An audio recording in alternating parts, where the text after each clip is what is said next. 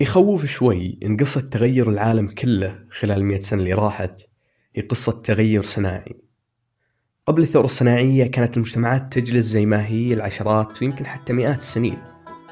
تجي الصناعة ويتغير المجتمع جذريا كل كم سنة لدرجة أننا صرنا نفرق بين جيل السبعينات والثمانينات والتسعينات.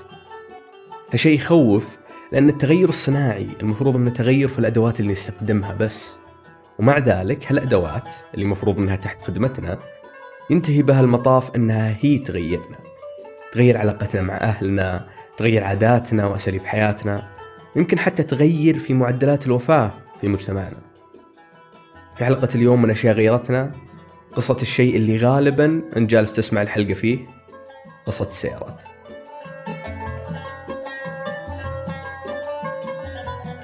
يا هلا أنا مازن العتيبي وهذا بودكاست أشياء غيرتنا من إذاعة ثمانية. في كل حلقة راح نستعرض قصة شيء أثر أو غير في المجتمع السعودي مع المؤرخ الاجتماعي منصور العساف لو كنت من سكان الرياض فأنت أكيد عانيت من زحام الشوارع وتكدس السيارات.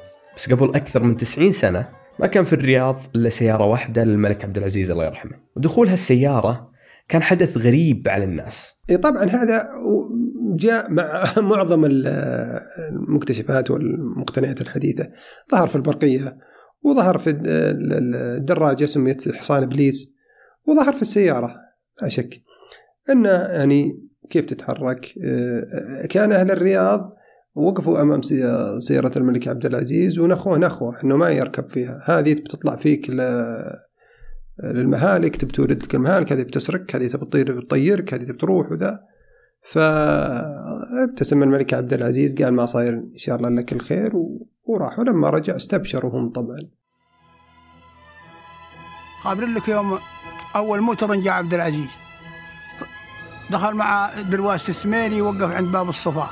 ولما ترى عدو يقول هذا سحر. كيف حديد يمشي؟ ما يدخل عقولهم. ويظهر عبد العزيز يركب فيه. ويقضبونه. تكفى يا عبد العزيز يكفى يا عبد العزيز. هذا سحر بيطير بك. ولا عبد العزيز عزمه جيد. رسب وراح الموتر وقعد يصفقون بيديهم على إمامهم. يلا الخير خلنا إمامنا يطير. طار بالسحر يظهر مع درواس الثميري ويدوج في البطحة ويجيك معود. يا معود وفرحة. أبشروا بعود أبشروا بعود. مو بس أهل الرياض اللي ما وثقوا في السيارة. أغلب سكان المملكة كان عندهم توجس منها. والبعض كان يظن إنها كائن حي. والله تذكر لكن هي أساطير. معظمها تذكر إنه آه إنهم كانوا يعني بعضهم مثلا وضع للسيارة آه جزء من العلف والقت يتوقع إنها مثلا مثل أغنام أو البقر. أنا أعرف الديره اللي سووا كذا بس ما زي ما الناس واجهت مشكلة في تقبل السيارة السيارات نفسها كان عندها مشكلة كبيرة. وهو عدم توفر طرق مزافلته تسهل السواقة. ما في مثال على هالشيء أفضل من قصة السيارة اللي تقول بعض الكتب أنها أول سيارة تدخل الجزيرة العربية. آه، اللي ذكرت موجودة يعني آه، في التاريخ أنه الخليفة العثماني أو السلطان العثماني أرسل لسعود بن رشيد في سنة 1300 آه، تقريبا 32 سيارة تصنيع ألماني من نوع مرسيدس بنز. و تعطلت في نفود الشمال في صحراء النفود فجرت بالخيل عفوا جرت في الإبل جر سحبت في الإبل إلى أن وصلت. يقال أنه انتهى الوقود ويقال أنها يعني غرزت. الملك عبد العزيز نفسه غرزت سيارته عدة مرات وفي صور لا زالت مغرزة سيارة الملك. كانت مرسيدس في نفود الدهنة غرزت عدة مرات. ولهالسبب هذه الدابة الجديدة صارت تترك أثرها في الأماكن اللي تزورها. فما اكتفت بتغيير طريقة السفر. هي كذلك قامت تغير في شكل المدن حتى. التشكيل التشكيل العمراني للمدن تشكل بعد دخول السيارة. لذلك أخذ في الاعتبار آه، ممرات السيارات. ولا أخذ في الاعتبار مرور سيارة واحدة مرور سيارتين. لذلك تنظر إلى منازل الستينات تجد مسارين. يعني على أقل تقدير تلقى الشارع عشرة ثمانية يعني بالكثير. في قصة مشهورة عن رحلة الوفد الدبلوماسي الياباني من مصر للرياض لتكوين علاقات دبلوماسية مع السعودية. هالقصة توضح لك صعوبة التنقل بالسيارات في ذيك الفترة. كان معهم معلبات آه، للأكل وحتى لما اقتربوا من الرياض نفذ الأكل. إيه وذكر لهم إنه يعني كيف استغربوا لما شافوا مثلا الضب الجربول استغربوا اليابانيين بشكل كبير. آه كذلك تحدث عن في منطقة تسمى العبلة هي أرض بسدير هي اللي قامت عليها المدينة الصناعية. كانت أرض منبسطة كأنها يعني معبدة. قطعوها وحسوا براحة لما وصلوا المنطقة لأن السيارة تسيران. وتحدث عن خشب طويق وجبال طويق وتحدث عن جبال الحجاز وهو يخرج من جبال. فيعني قصة ماتعة حقيقة وصور لك كيف كانت مشقة الطريق. رغم أنه يعني وفد دبلوماسي ورسمي ميسر له معاهم مرافقين معاهم طباخين معاهم سيارة يعني لوري يعني ترافقهم مثل ما قال منصور بالرغم من إننا نسمع قصة الوفد الآن ونحس إنها كانت رحلة صعبة وشاقة إلا إنها في ذاك الوقت كانت قمة الرفاهية. السفر صار ياخذ أيام بدل ما كان ياخذ أسابيع. وفي بدايات السيارات ذاك الوقت كانت التقنية الجديدة فرصة تجارية مثالية. في الغالب يجتمع بعضهم يعني مساهمة ويشروا لوري. واللوري خلينا نقول اثنين شروا لوري. واحد بيصير المعاوني اللي هو يعاون الساق وواحد هو الساق اللي يسمى العربجي. فبياخذ باللوري بيطلعوا مثلا من الديرة مثلا من الطايف يودوا لتبوك. طبعا ياخذوا ركاب أو ياخذوا بضائع في الغالب خضار وفواكه يبيعوها إذا صارت كبيرة يحطها دورين. يحط مثلا ألواح خشب يركب دور تحت ودور فوق ركاب. وكانت لهم قصص ويوقفوا في الطريق يوصلوا طبعا بعد خمس ست أيام نايم الغداء والعشاء وذا بالطريق. فشكلت جزء من يعني آه، مشهد تلك الفترة خلال هالفترة بدأت السيارة تتغلغل في الثقافة الشعبية وبدأت تستبدل شيء كان له مكانة عظيمة في نفوس العرب.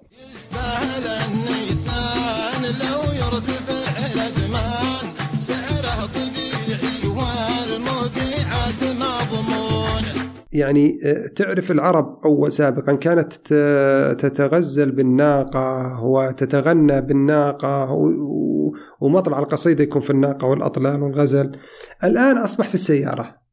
راكب هتسن مع صيرة لنه والمشايا مسندي؟ مشي طرابي. آه، آه، راكب اللي مشى مات قلياط من سرعته خطة دواوير وشخوط جديد محمل به العفش وبساط. الا ولا قاله مكيف ومضبوط. مراتبه مخمل والأرضية بساط وشعار تويوتا على الخشب محطوط. ثم في بداية الخمسينات الميلادية أنشئت وزارة المواصلات وبدأت مباشرة في تحسين الطرق وربط مدن وقرى المملكة مع بعضها. تقدر تتخيل ردة فعل الناس اللي كانت متعودة على لون الأرض طبيعي لما يجي طريق رصاصي غريب الباب قريتهم أو مدينتهم. كذلك ظن البعض أن الخطوط المعبدة أول ما زفلتت الطرق ومهدت. تتوقع أنها يعني آه، موقع اجتماع لهم وزوالي وفرش بيجلسوا عليها فجلسوا. طبعا نكت وطرائف لكن في حقائق. يعني هم والله براد ونجلس فيها هنا أحسن. جلسنا في الصياهد هذه ولا نجلس في السفلت. مع كل هالتغييرات الجذرية التغيير الفعلي كان لا يزال على الأبواب. لكن بعد الفاصل.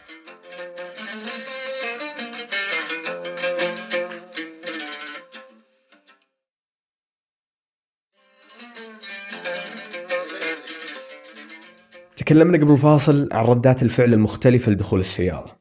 لكن بعد ما تأسست وزارة النقل تحولت السيارة من خدمة مواصلات عامة أو شكل من أشكال الترف والرفاهية إلى شيء ضروري في حياة كل عائلة سعودية.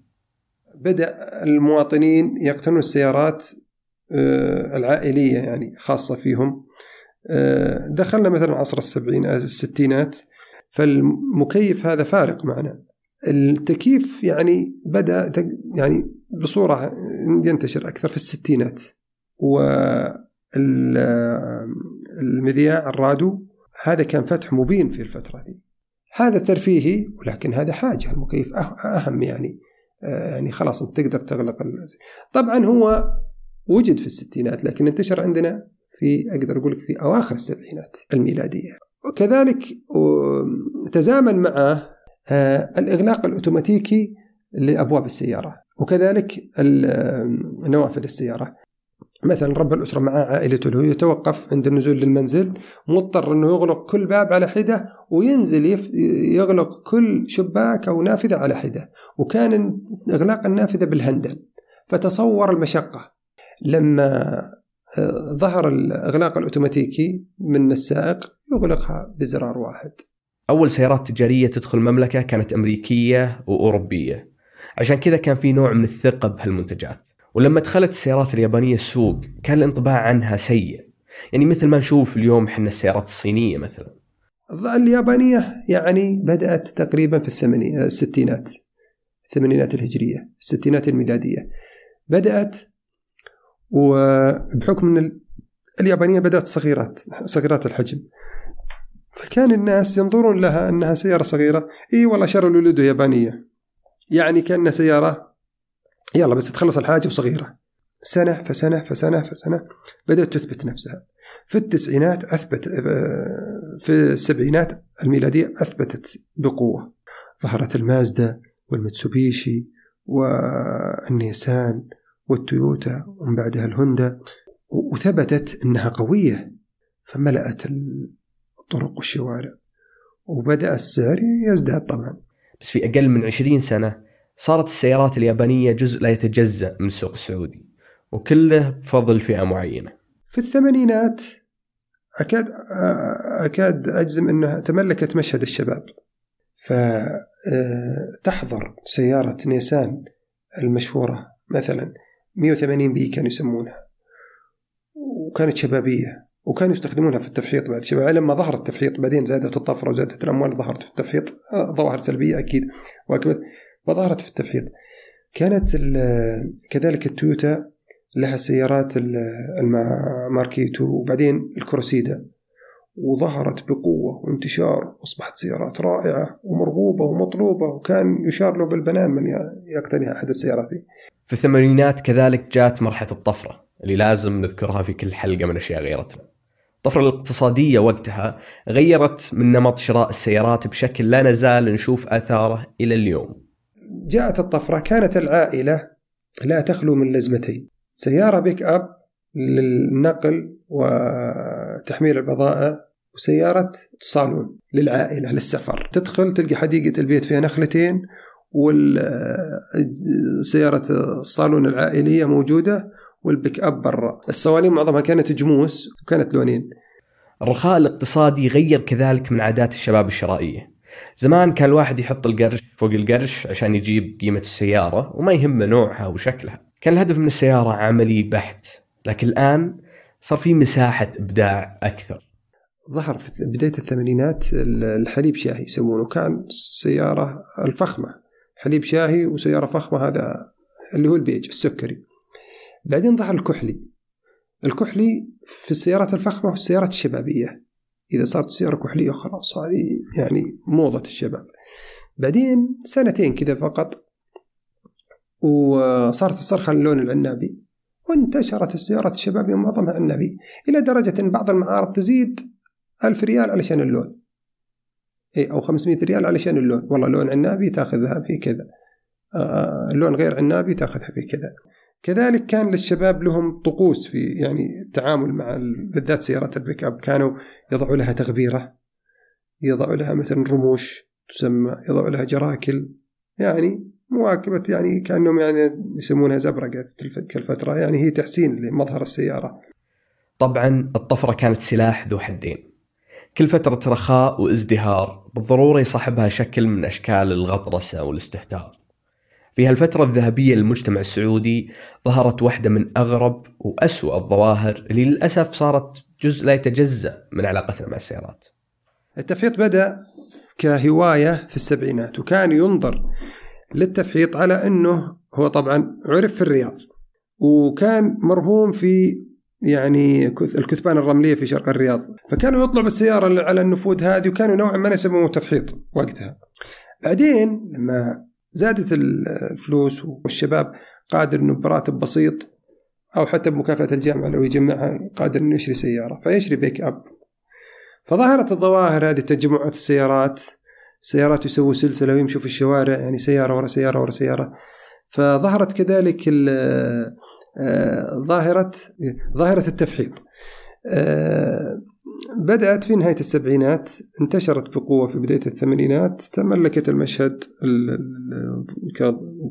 المشهد للظواهر السلبية في آه، منتصف الثمانينات وذكرت لك أنها تزامنت مع يعني مباريات الفرق الكبيرة وزي ما ذكرت لك إنه كانت انتصارات المنتخب والأيام الفرائحيه في منتصف الثمانينات وبدايه الثمانينات ساعدت كذلك إن الشباب يعبر عنها بالتفحيط للأسف بعض الأحيان. ومن ذاك الوقت والتفحيط شيء عادي إنه يصير في أي شارع مثل مثل الزحمة. صحيح إنه مزعج بس ما حد يستغرب أو ينصدم إذا شافه. وحتى الناس اللي ما تفحط ثقافة الاستهتار بالسيارة صارت شيء طبيعي وهالشيء واضح في معدل الحوادث المرتفع عندنا.